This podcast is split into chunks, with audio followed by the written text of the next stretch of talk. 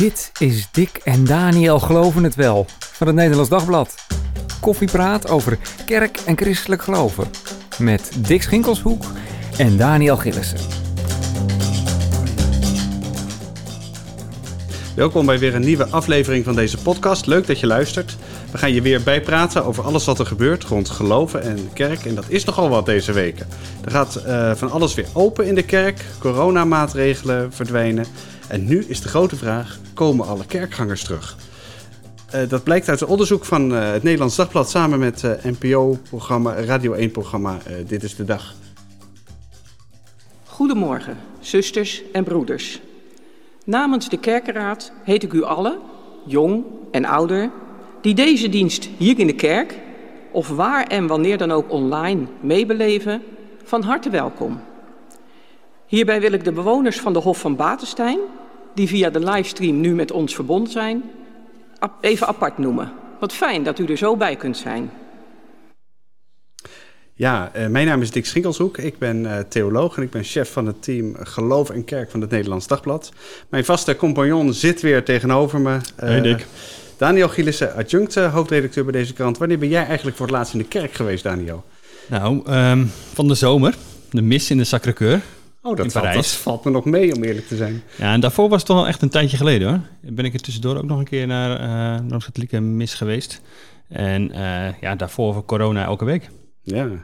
Uh, ook aangeschoven is uh, oud scriba van de protestantse kerk, Arjan Plezier. Die gaat alle ontwikkelingen in deze, in deze nood der tijden voor ons duiden het komende half uur. welkom Arjan. Dankjewel. hoe vond je het de afgelopen periode, zo preken voor de camera? Nou, ik was blij dat, dat, dat die mogelijkheid er was. Punt 1. Maar het is natuurlijk helemaal niks. Nou vond ik het preken voor de camera eigenlijk nog wel meevallen je focust je. Op een gegeven moment ga je ook je ding doen. Uh, dan zat ik er ook wel in. Ja. Maar dan was het klaar en dan kwam de koude douche. Nee, stond je daar op straat. Stil dan. En dan ging ik als een geslagen hond naar huis.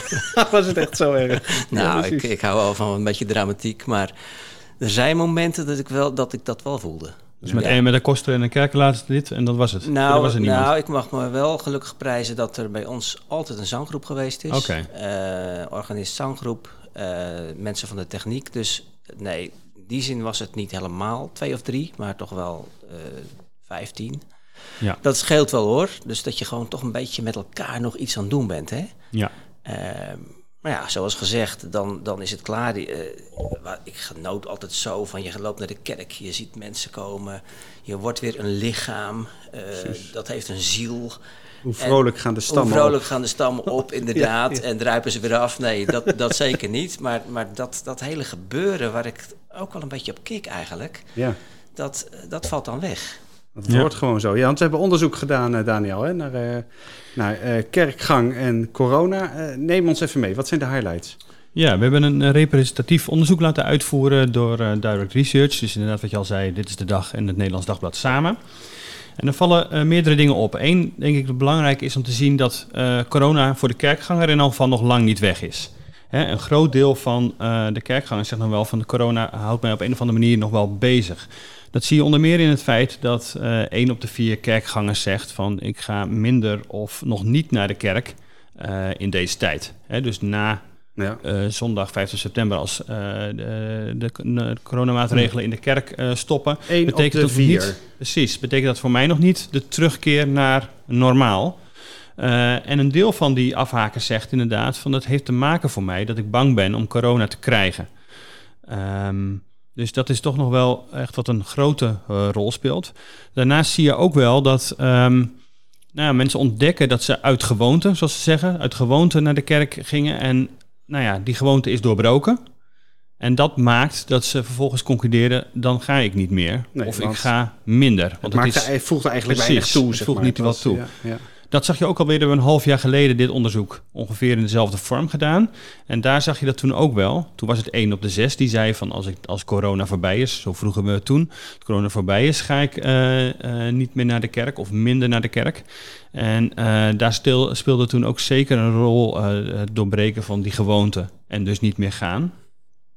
Van degene die dus uh, thuis blijft, uh, voorlopig nog, dat moeten we even zien uh, hoe dat gaat uitpakken, zegt een nou, aanzienlijk deel van zo'n zo'n 30, 40 procent van um, ik ga het online volgen. Dus de online diensten zijn voor mij wel een vervanging van het naar de kerk gaan ja. of de televisiediensten. Um, en dat is zeker bij, bij protestanten nog wel wat meer dan bij uh, katholieken. Bij katholieken is dat ook lastiger. Hè? Bedoel, dat draait natuurlijk de hele viering draait onder Eucharistie. Dat is gewoon digitaal net iets minder te doen, kan ik me voorstellen. Precies. Ja.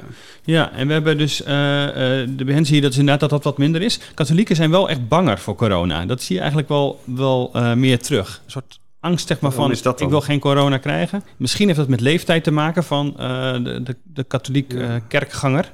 Want het gaat om kerkgaande uh, christenen. dus mensen die normaal minstens één keer per maand tot elke week naar de kerk gingen. Deze groep die we hebben onderzocht. Um, we hebben ook gevraagd naar de coronapas. Dat is natuurlijk echt een dingetje in ja. de samenleving ja. aan zich. Toelating, toelatingsbewijs laten zien. Laat ja, zien. Je, QR-code, zeg maar. Um, we hebben hem niet gevraagd, Arjan, maar voordat we hier aan begonnen, maar had gekund. Nee. Uh, de, hoe kijk je daar dus tegenaan als, uh, als kerkganger? En 40%, maar liefst 40% vind ik eigenlijk wel, uh, zegt die corona-toegangsbewijs zou echt wel wat geweest zijn voor de kerk. Dat zou terecht zijn geweest als dat was, was ingevoerd. Een even groot deel zegt overigens, dat moeten we niet doen.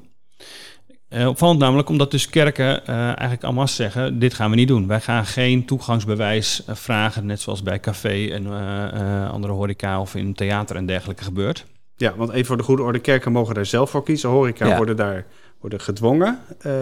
maar kerken zeggen, ja. wij, wij, wij, kunnen zelf die keuze maken en wij gaan dat niet doen. Vind je dat een goed idee, Arjan? om maar eens even met die coronapas te beginnen. Ja, want er komt nu best veel uh, over de tafel heen. Die ja. corona-discussie is natuurlijk een lastige. We zaten eerst in de corona en toen op een gegeven moment uh, kwam, kwam er een nieuwe thematiek die, die ook wel weer heel gemakkelijk polariserend kan werken in de samenleving. Nou, ja. dat, uh, en natuurlijk dus, zeggen, ook, ja. en dus ook in de kerk. Dat, is, dat, dat kun je begrijpen.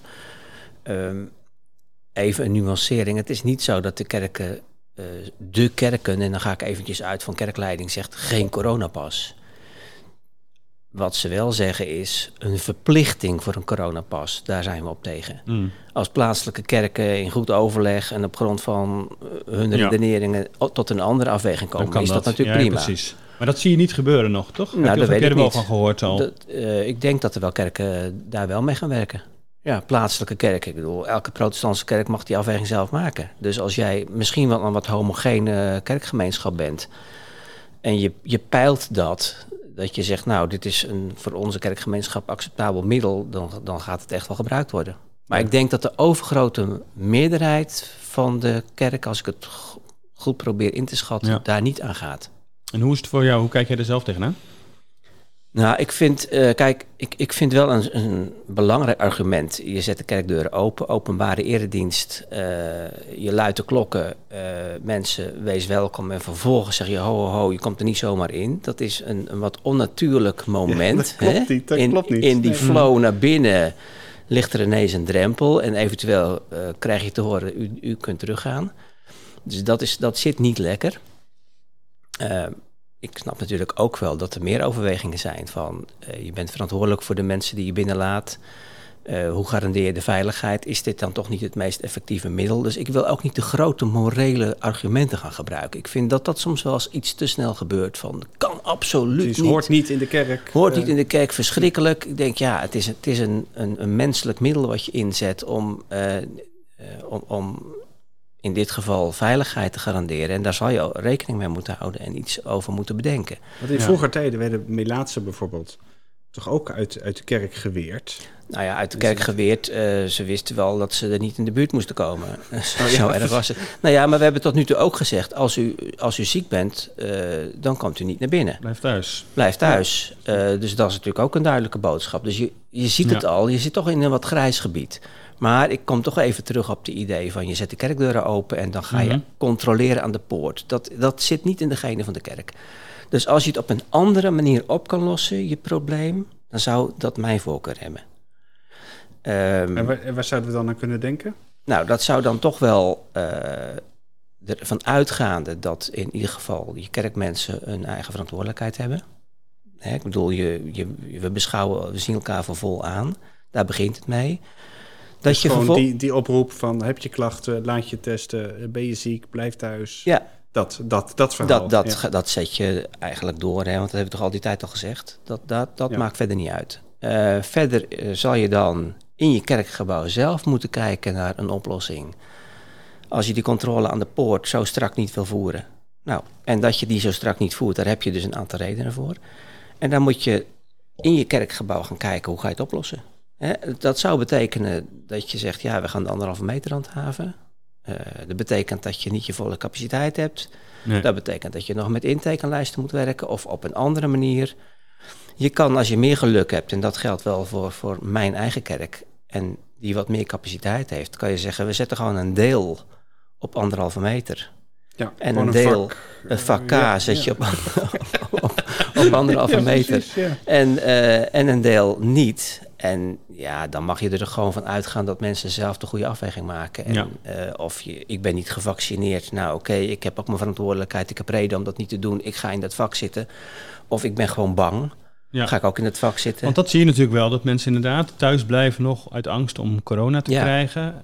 Begrijp je dat, ze daar, dat die angst er nog wel leeft? Van, moet ik dit nu wel gaan doen? Ik begrijp dat heel goed. Tuurlijk, als jij gewoon, uh, als jij kwetsbaar bent, je bent gewoon bang om corona te krijgen, dan zal je in het algemeen nog heel terughoudend zijn. En dat zal dan in je kerkgang niet anders zijn. Nee, precies. Maar bij het theater, dan kun je dan zeggen, oké, maar hier wordt aan de poort gecontroleerd.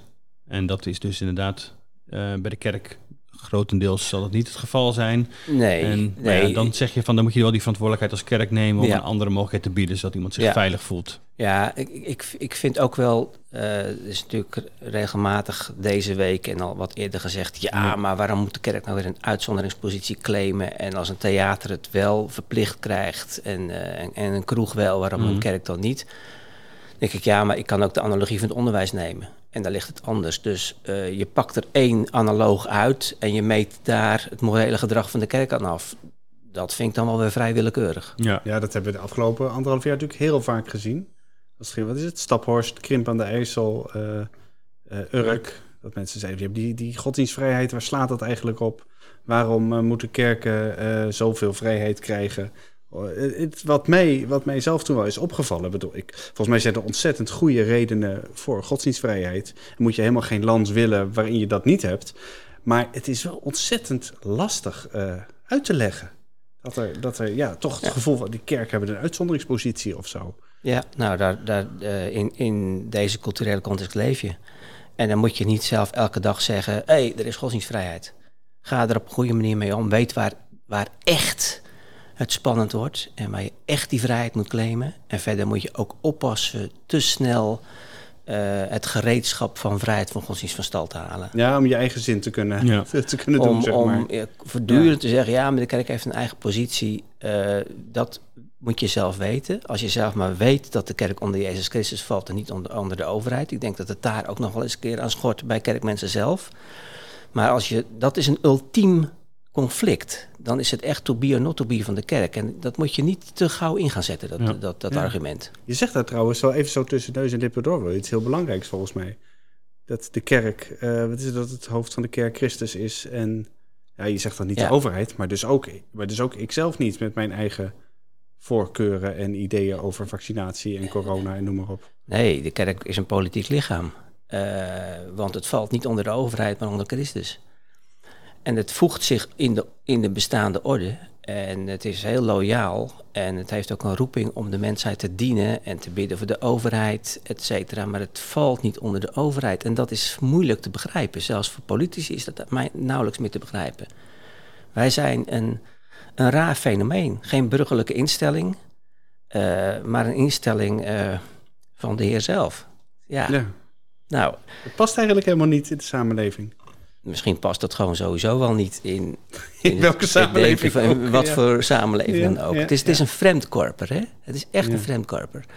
En omdat je uh, zo gemakkelijk je plek heeft hebt gevonden, ook in een gekestende samenleving, zijn wij dat ook wel voor een groot deel kwijtgeraakt. Maar dat vreemde, dat hou je en dat, dat ben je en dat hou je. Uiteindelijk is het wel van, ja, als Christus dit zegt, dan kunnen we allemaal een andere kant op willen, maar dan moeten we die kant op. Maar dat vreemde van de kerk, voor een deel van de mensen is het dus hè, merkte, dat het is een, ge- een gewoonte om naar de kerk te gaan. Dat is hard doorbroken door corona. Ja. Je moet thuis blijven. Ehm, en die realiseerde zich nu, ja, waarom zou ik inderdaad nog naar de kerk gaan? Denk je dat deze mensen nog terug gaan komen? Nou ja, de, ge- heb ik geen flauw idee. Dat weet ik niet. Kijk, dat mensen op een gegeven moment een, een, een kerkgang hebben die voor een groot deel op gewoonte eh, gebaseerd is. Ja, het leven eh, plooit zich naar gewoontes. Dus ook naar deze gewoonte. En op een gegeven moment zullen mensen denken van waarom doe ik dit eigenlijk? En eh, het is hetzelfde als mensen die naar de kerk gingen, omdat kinderen naar de kerk gingen. Op een gegeven moment, nou, die kinderen vliegen uit of gaan niet meer. En de ouders zelf, die voelen die druk af, ook ja. minder. Die haken ook af. En, en na drie, vier maanden denken ze, "Hey, ik heb het eigenlijk niet gemist. Ja. Zo kan het gewoon gaan. Zo kan het gaan. Ja, dat is natuurlijk jammer. En wat Eh, kan de kerk eh, daaraan doen? Nou, niet te paniekerig. Eh, Hmm. Kerk blijven zijn. Eh, zelf wel met hart en ziel eh, kerk zijn. Laten zien dus wat het voor jezelf, voor degene die wel gaan, wat het betekent. Ja. Maar, wat, maar wat, wat, wat zeg je dan zelf als je zulke mensen tegenkomt? Mensen die zeggen, ja, het was uit gewoonte en eigenlijk, ja, we hebben het een tijd lang niet gedaan. En we missen het helemaal niet. En het is nogal een toestand op zondagmorgen, we hebben het druk. Eh, het voegt Ja. er eigenlijk heel weinig toe. Ja, Dick, op zo'n moment terug gaan preken, dat helpt niks. Ik wou zeggen, je hebt niet een preek paraat. Nee, eh, absoluut niet. nee. Nee, nou ja, ja. Een mooie zin Eh, om te overtuigen. Gewoon, eh, ja, wij zeggen, willen- Oké, als we dat nog gewoon zeggen, dat werkt. Mensen, dit wordt niks. Nou ja, dit is de oude vraag, waarom zou je naar de kerk gaan natuurlijk? Ja, ja nou, daar, daar, daar zijn heel veel antwoorden op te geven. Maar als mensen, je, je weet ook wel, als je gewoon zo'n zo'n soort gesprek hebt, dat op dat moment de overtuigingsruimte nihil is. Ja. Nee, mensen hebben hun, hun beslissing al genomen dan. Ja. Ja. Maar wat is één argument om naar de kerk te gaan? Even gewoon, dan heb ik het hier al in mijn zak. Naar de kerk Je moet het is, gesprek met je kinderen ook aan. Na- waar na- je- precies. naar de kerkgang is de grote En mezelf, is de grote onderbreking. Dat is de onderbreking in het everyday, in 7 keer 24, in zo ons leven. Het is een stopmoment, een home-moment. Het is een, een opengaan voor wat echt anders is eh, Ja. en, en wat tot je komt. En, ehm, dus het is, het is elke keer kiert je bestaan open naar een, naar een andere wereld die fascinerend is. En dat regelmatig meemaken, je, je bestaan niet op een of andere manier dicht laten vloeien, slibben, smeren. Dat is kerk zijn. Eh, dat is dat uitzicht, dat is, dat is blijven ademen. Nou ja, zoiets. Hè? Ja. Is Eh, het daarom ook belangrijk om naar de kerk te gaan, niet alleen te aanschouwen via een schermpje? Want dat zal, hè, de mensen zullen het nu doen uit angst voor corona, maar het zal ook wel iets zijn dat blijft, hè, dat hybride.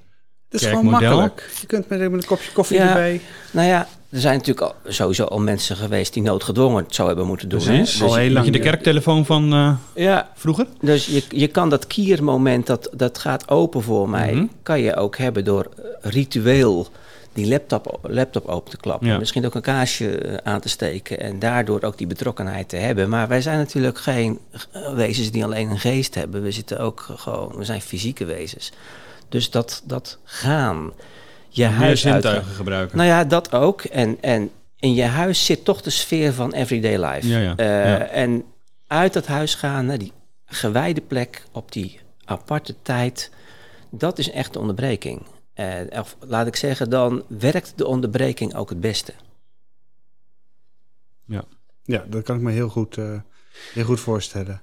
Ehm, Maar moet- ik, ik zet toch nog even met dat, met dat percentage hoor. 1 Mhm. één op de 4. Ik vind dat echt heel veel. Die dan zegt, nou, niet of, of minder. nou, straks. nee, nee. Ik, Nee, je kan, je, je dat niet? eh? ik, ik zou, in, in- misschien ben ik dan meer van het, het glas zit drie kwart vol. dan Ja, een, dat kan kwart ook. leeg. ja. Maar dus drie kwart zegt, nou, ik ga gewoon weer naar de kerk. Er zijn grotere angstvisioenen geweest hè, in, in deze tijd. Ja. En van dat kwart zegt ook niet van, ik ga niet meer. Maar eh, het is goed mogelijk dat ik naast mijn fysieke kerkgang ook op een andere manier. Dus ik zal eens een keer wat vaker zeggen, jongens, nou, het is wel heel laat geworden. Ik doe het nou een keertje zo. Eh, dus we moeten het niet overdramatiseren. Eigenlijk, als, je, als je die groep erbij optelt, zegt 90%... ik blijf naar de kerk gaan. En een vrij klein deel daarvan zegt, ik denk dat ik wat meer afwissel tussen fysiek naar de kerk gaan en het op een andere manier volgen. Nou, Als je het zo zegt, valt het reuze mee. nou dat is ook zo. Eh, eerlijk gezegd had ik ook wel, was ik ook best wel bezorgd over andere cijfers. Nou zijn cijfers nog maar cijfers. Mhm. Zal moeten blijken wat is de praktijk Ja. ervan. Maar kennelijk is het niet zo van, nou we hebben met veel kunst en vliegwerk de mensen weten te verleiden om naar de kerk te komen. En oh oh, er hoeft maar wat te gebeuren of alles valt eraf. Wat voor idee heb je dan van mensen die vandaag de dag nog naar de kerk gaan? Alles aan de dakgoot hangt en bij het minste of geringste stormpje er allemaal afvalt? Nee, dat is niet zo. Nee. Eh, dus eh, we leven in 2021 en heel veel mensen hebben al een keuze gemaakt om wel of niet naar de kerk te blijven gaan. En degene die blijven, het is wel weer een, een storm opnieuw die door, die door het Mhm. bos heen trekt. Maar eh, dat dit de uitkomst is, nou, daar ben ik blij mee. Bevestigt me ook wel wat in. Dit is wel kerkelijk Nederland vandaag de dag. Ja, hoe bedoel je dat laatste? Nou, dat, dat eh, de mensen die gaan echt niet allemaal met, eh, nou ja, dan ga ik maar weer naar de kerk, ik vind er eigenlijk niks aan. Eh degene die kerk ga- gaan vandaag de dag, die hebben er echt wel over nagedacht. En er is een stuk bewustzijn bij. Dat is misschien niet bij iedereen even sterk en het is niet onaantastbaar. Dus je Mhm. ziet dat er toch nog weer dan misschien een percentage dan dit een breekmoment vindt. Maar dat valt uiteindelijk toch weer mee. Ja, je kan natuurlijk ook zeggen, één is het één te veel. Ja, maar ja, goed, ja, ja. dan ga je misschien ook wat overdramatiseren. Ja. We zien in de cijfers ook wel iets terug dat je nou ja, als leden van de Protestantse Kerk, een brede grote volkskerk, ehm, daar eh, nog wat meer eh, mensen aarzelen om dus terug te gaan dan bijvoorbeeld in de meer eh, nou ja, gereformeerde, maar zeker ook dan de reformatorische Ja. deel daar weer van. Evangelische, ja. Die zijn toch hebben iets meer de, ne- of gewoon veel meer de neiging om eh, mee te gaan eh, en eh, dat online eh, lekker te laten. Eh, is dat logisch gezien Ja, gewoon hoe Dat deze kerkgenootschap bij elkaar zitten? Ja, ik denk toch dat je... in- Ook in- nog steeds naar wat je net zei. Nou, op, ja, dat wel. be- Dat ja, bewustzijn. ja dat, dus het is niet meer zo absoluut als het was. Nou, Mhm. de Volkskerk, eh, je hangt er een beetje bij. En ook Mhm. ben ik dan lid van de kerk. Eh, maar het komt natuurlijk meer daar nog wel voor... dan in kerken die Ja. van, van origine... of recentelijk meer keuzekerken zijn. Ja. Nou, dan kan je begrijpen dat dat dieper zit... en dat die keuze echt wel eh, tegen een stootje kan. ja. Wat mij opvalt is dat in deze discussie ook een, heel vaak eh, grote woorden worden gebruikt. Hè? Zoals eh, secularisatie en Mhm. individualisering. Hè? Dan valt het woord eh, podcastgeloof. Ik bedoel, wij zijn nu een podcast aan het maken. Maar het woord podcastgeloof, dat is dan... Wat is het dat je her en der even je, je geestelijke voeding bij elkaar eh, scharrelt. En daar heb je helemaal geen kerk meer voor nodig. En dat het dus eigenlijk heel erg zorgelijk is. hè, Dat corona dat... Dat ook weer blootlegt of versterkt. Of... En tegelijk, ik hoor jou helemaal niet van die grote woorden gebruiken. Nou, ik, ja, eh, als, je, als je ook geen grote woorden meer gebruikt, dan denk je ook, wat staat die man te praten. Maar, ehm, want secularisering is natuurlijk een feit. Maar dat is niet van gisteren en eergisteren. Hè? Ik bedoel, dat mag je best wat decennia en zelfs wat eeuwen teruggaan. Dus laten we nou niet denken alsof we vandaag met een nieuw fenomeen eh, te maken hebben. Individualisering loopt gewoon gelijk op met secularisering. En dat, dat is een, een vloeiend proces met golven, met eh, ook wel weer eens een keertje tegenbewegingen. Ja, ja. Eh, iets anders is eh, social media, op een andere manier je informatie verschaffen, op een andere manier aan het leven meedoen. En daarin, dat heeft natuurlijk een impact. De vraag is of dat op zich seculariserend werkt. Dat denk ik niet. Oké. Je kan misschien wel zeggen dat eh, individualisering er wel door toeneemt. Want ik kan het op alle mogelijke Ja. manieren. En ik heb Eigen daar de, momenten, traditione- ja. de traditionele instituten niet voor nodig. Precies. De hamvraag blijft natuurlijk wel van... vertrek ik in mijn leven volstrekt vanuit het individu... Eh, en eh, schep ik zo mijn eigen wereld en pluk ik hier wat of daar wat vandaan? Of word ik geconfronteerd met een, een realiteit die groter is dan dat ikje van mij? Eh, en, want een instituut is niet om het instituut, maar dat is een belichaming van een werkelijkheid die groter is dan ik. Eh, en als jij je helemaal loskoppelt van alle mogelijke instituten en, en collectiviteiten, dan kan je ook loskomen van een objectieve realiteit buiten je. En dan, dan is het wel dat, dat ik dat maar wat aan het plukken is. En, Ja, mijn religieuze gevoel. ja, en, mijn maar ik denk dat dat ja. op een gegeven moment dan ook gewoon eh, doodloopt, verdampt. Ja. Wil je echt gevoed worden dan moet je betrokken zijn op dat wat jou overstijgt. En in dat kader eh, is er die geloofsgemeenschap en is daar eh, Christus Ja. de Heer zelf. Maar dat online biedt wel die mogelijkheid natuurlijk wat meer. Ik weet niet hoe jij, Dick, als jij eh, niet hoeft te preken, of je dan ook wel eh, denkt voor de toekomst, van ik schuif een keer achter de laptop of nou ja, tegenwoordig televisie gewoon natuurlijk. Ja, ja, ja. Alleen al omdat ik merk bij mezelf, de kinderen vinden het zo ontzettend eh, Ja, makkelijk. En dat, je, hebt, je moet veel meer dan vroeger een soort, je moet een soort gemopper tegengaan. Van, Ja. dat, merk, nou goed, dat merk ik in mijn eigen gezin. Ja. Van, eh, pff, Ja. maar jongens, maar ook van, maar dit hoeft toch helemaal niet? Waarom moet ik nu aangekleed zijn en klaarstaan? Ja. Want het, er, er is een alternatief. Dus wat snel, doen jullie nu? Ja. eh, bepaald moment. Ik ken Eh, ook wel gezinnen waarvan ik zeg, ja, vraag ons nou niet, verwacht niet dat wij elke zondag voor de laptop hebben gezeten, want dat red ik echt niet. Nee. En als mijn kinderen mee naar de kerk gaan, nou, dan, dan is het toch makkelijker, dan is er kindernevendienst, dan komen ze Mhm. leeftijdsgenoten tegen. Dus Ja. dat is de andere kant. Dat is ook waar. Dat is waar, want het is ook vaak gewoon de drempel die je dan even moet nemen. De, even het gedoe en daarna hoor je ze ook niet meer. Nee. Maar Maar moet de Beam Kerkdienst blijven op de gewone NPO 2 eh, op eh, zondagochtend, eh, vind jij, Arjan? Die gewoon gericht is op inderdaad jongeren. Je zou kunnen zeggen, ja, daardoor gaan ze misschien eh, eh, niet meer naar de kerk. Ja, omdat dan het gaan ze zo minder makkelijk naar de is. kerk. Als, als Of, de eh, BM-kerkdienst dat wil doen, doen ze dat toch. Daar ga ik niet over. Nee, ik, over Maar zou het dingen- helpen, zeg maar? Ik bedoel, het kan, het kan juist eh, de, de kerk in de wielen rijden. Het kan de kerk misschien ook op een bepaalde manier juist helpen als er zoiets als dat is. Ik heb eerlijk gezegd nog nooit naar BM-kerkdienst gekeken. Zou je Dus- iets moeten doen? Ja, nou, dat zag goed, goed. De huiswerk, dankjewel. is dat... Ehm Nee, Ik- concurrentie. Het gaat mee een beetje om, de, om het concurrentie-idee. Waar natuurlijk kerken in het verleden eh, daar wel eens eh, zeiden van... Hey, eh, ga niet allerlei fratsen organiseren, want dan komen mensen niet meer fysiek naar het kerkgebouw als, toe. als blijkt dat BM-kerkdienst in een behoefte voorziet en dat dat, dat jongeren aanspreekt, dan zeg ik als Paulus, ik ben gewoon blij dat, dat Christus verkondigd wordt, Ja. linksom of rechtsom. Dat staat los van het feit dat de aanbieders van BM-kerkdiensten, maar ook allerlei vormen van aanbieders, zich natuurlijk ook wel eens een keer verantwoordelijk mogen weten voor het geheel van. En niet moeten denken dat bij hen het licht eh, begint te gloren en dat de Ja. rest eh, de grootste duisternis is. Daar kan ik me wel eens aan storen. En ik denk, wil je nou echt solidair zijn en voor het, het christelijk geloof staan, dan dien je ook voor het geheel te staan. En dan moet je niet denken, fijn, wij hebben een stukje marktaandeel, kijk eens even, we gaan als een speer naar boven. Heb e- oog voor het geheel. Omgekeerd moeten kerken niet te gauw gaan piepen en denken, oh, wat is dat nou weer? Want dan heb je misschien ook wel heel erg weinig vertrouwen in wat je dan zelf aan het doen bent. Ja. Nog even Ja. naar ehm, vaccinatie. Ja. We hebben ook gevraagd naar hoe dat eh, zit onder eh, christenen. Hè. We weten dat het algemene getal eh, van het RIVM nu op ongeveer 82% van de 18-plussers eh, zit. Bijna 86%. Natuurlijk een aantal mensen die één prik hebben gekregen.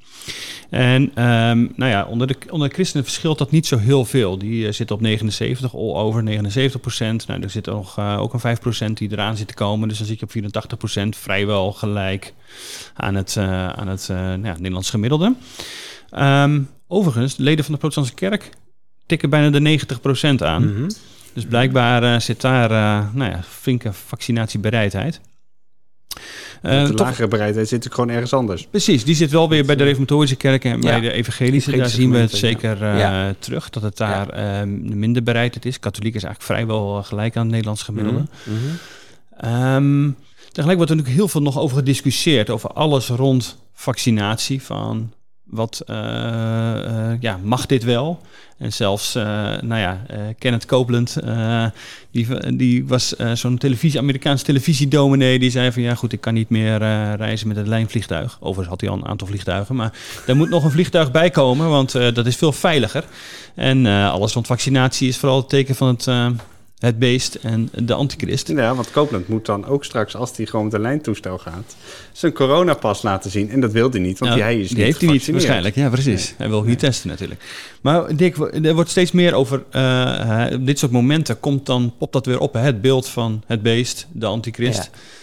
Eh, Wat, eh, wat constateer jij, Dick? Nou, ik, ik zeg dat het me al een tijdje eh, interesseert. En dan vooral eh, ja, wat ze dan noemen de, het retorisch gebruik van de antichrist.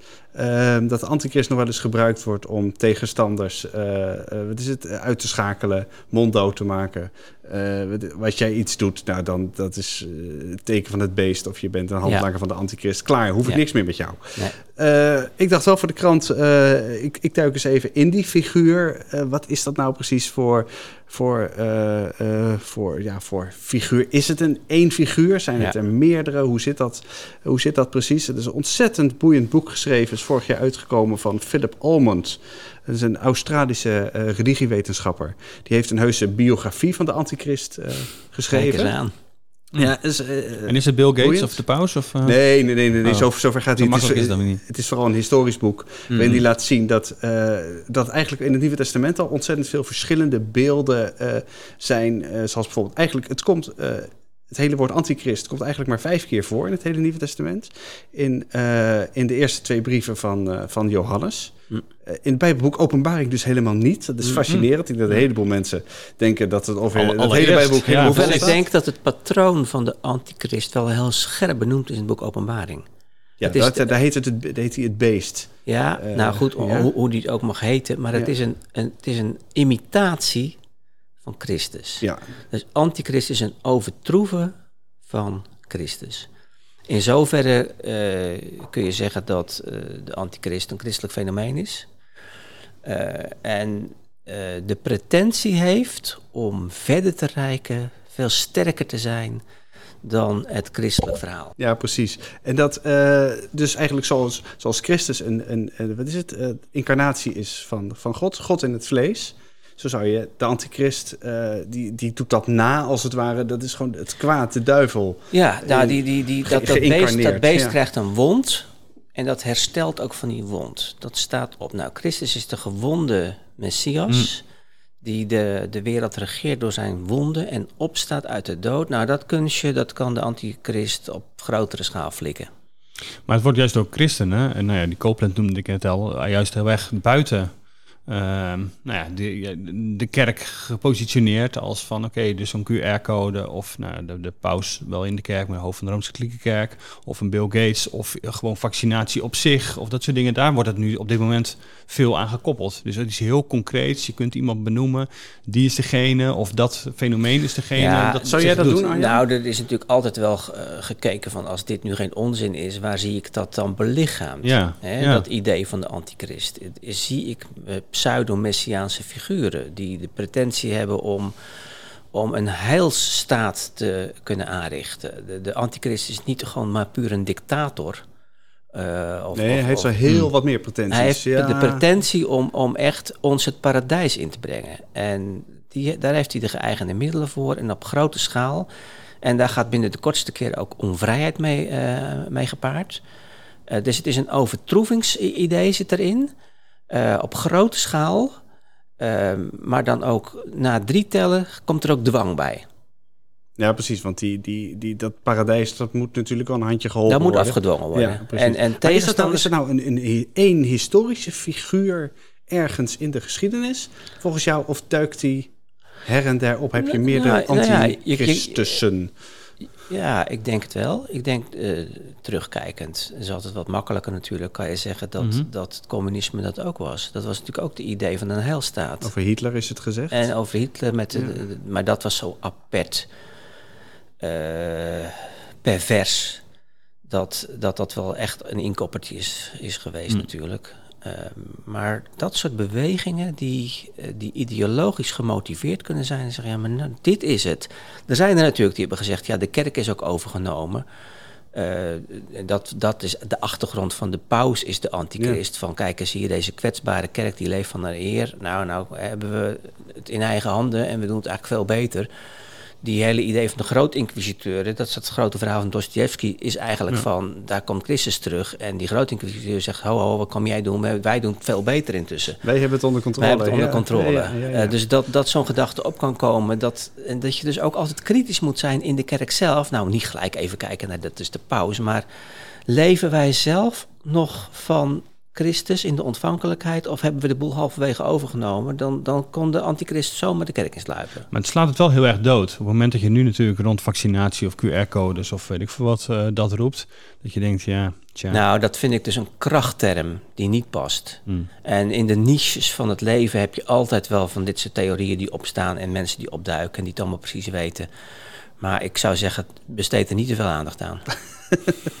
Waar zie jij de anti, dat antichristelijk op dit moment? Als je dat nu. Is dat sowieso iets? Is dat sowieso een manier waarop je kijkt? Ben je daarmee Ja, maar- bezig? Eh, nou, ik vind het wel altijd spannend. Hè? Van waar waar eh, halen mensen hun inspiratie vandaan? Hebben we. eh, wij hebben natuurlijk eh, op jezelf. Je hebt de schepping.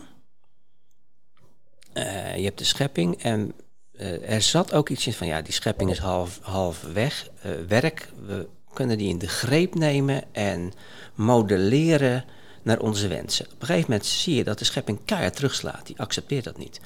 We kunnen hetzelfde op ons eigen bestaan toepassen. We hebben het helemaal in de greep. We modelleren het van wieg tot graf en zelfs nog voor de wieg en na het graf. Eh, en zo creëren wij echt een totaal leven met een totaal ervaring, onkwetsbaar. Eh, we manipuleren erop los, ook ten opzichte van het eigen lichaam, alsof het ook een vergaarbak is aan, aan losse onderdelen. Kijk, dan denk ik dat gaat fout. Ja, want dan, zit- komt, dan, komt corona. Daar zit de pretentie achter dat we het in de greep hebben en dat, die, dat loopt stuk. Ja. Ja, wat dat betreft eh, blijven we, op het moment dat we denken dat we de antichrist te pakken hebben, moeten we misschien pas echt eh wantrouwend worden tegenover onszelf. En, dat denk ik ook. Ja, ja. Ja. Arjan, dankjewel dat je eh, hier bij ons wilde zijn eh, bij de, in deze podcast. Arjan Plezier, oudskriba van de Protestantse Kerk, heeft ons meegenomen ook in de duiding van het, eh, van het onderzoek van, dat- het Nederlands Dagblad gedaan heeft samen met de EO. Dit was het weer voor deze week. Vond je deze podcast nou leuk? Vind je sowieso leuk wat we doen? Overweeg dan eens een abonnement op het Nederlands Dagblad. Zouden we erg leuk vinden. Maar voor nu, dankjewel voor het luisteren en tot de volgende keer. Dag.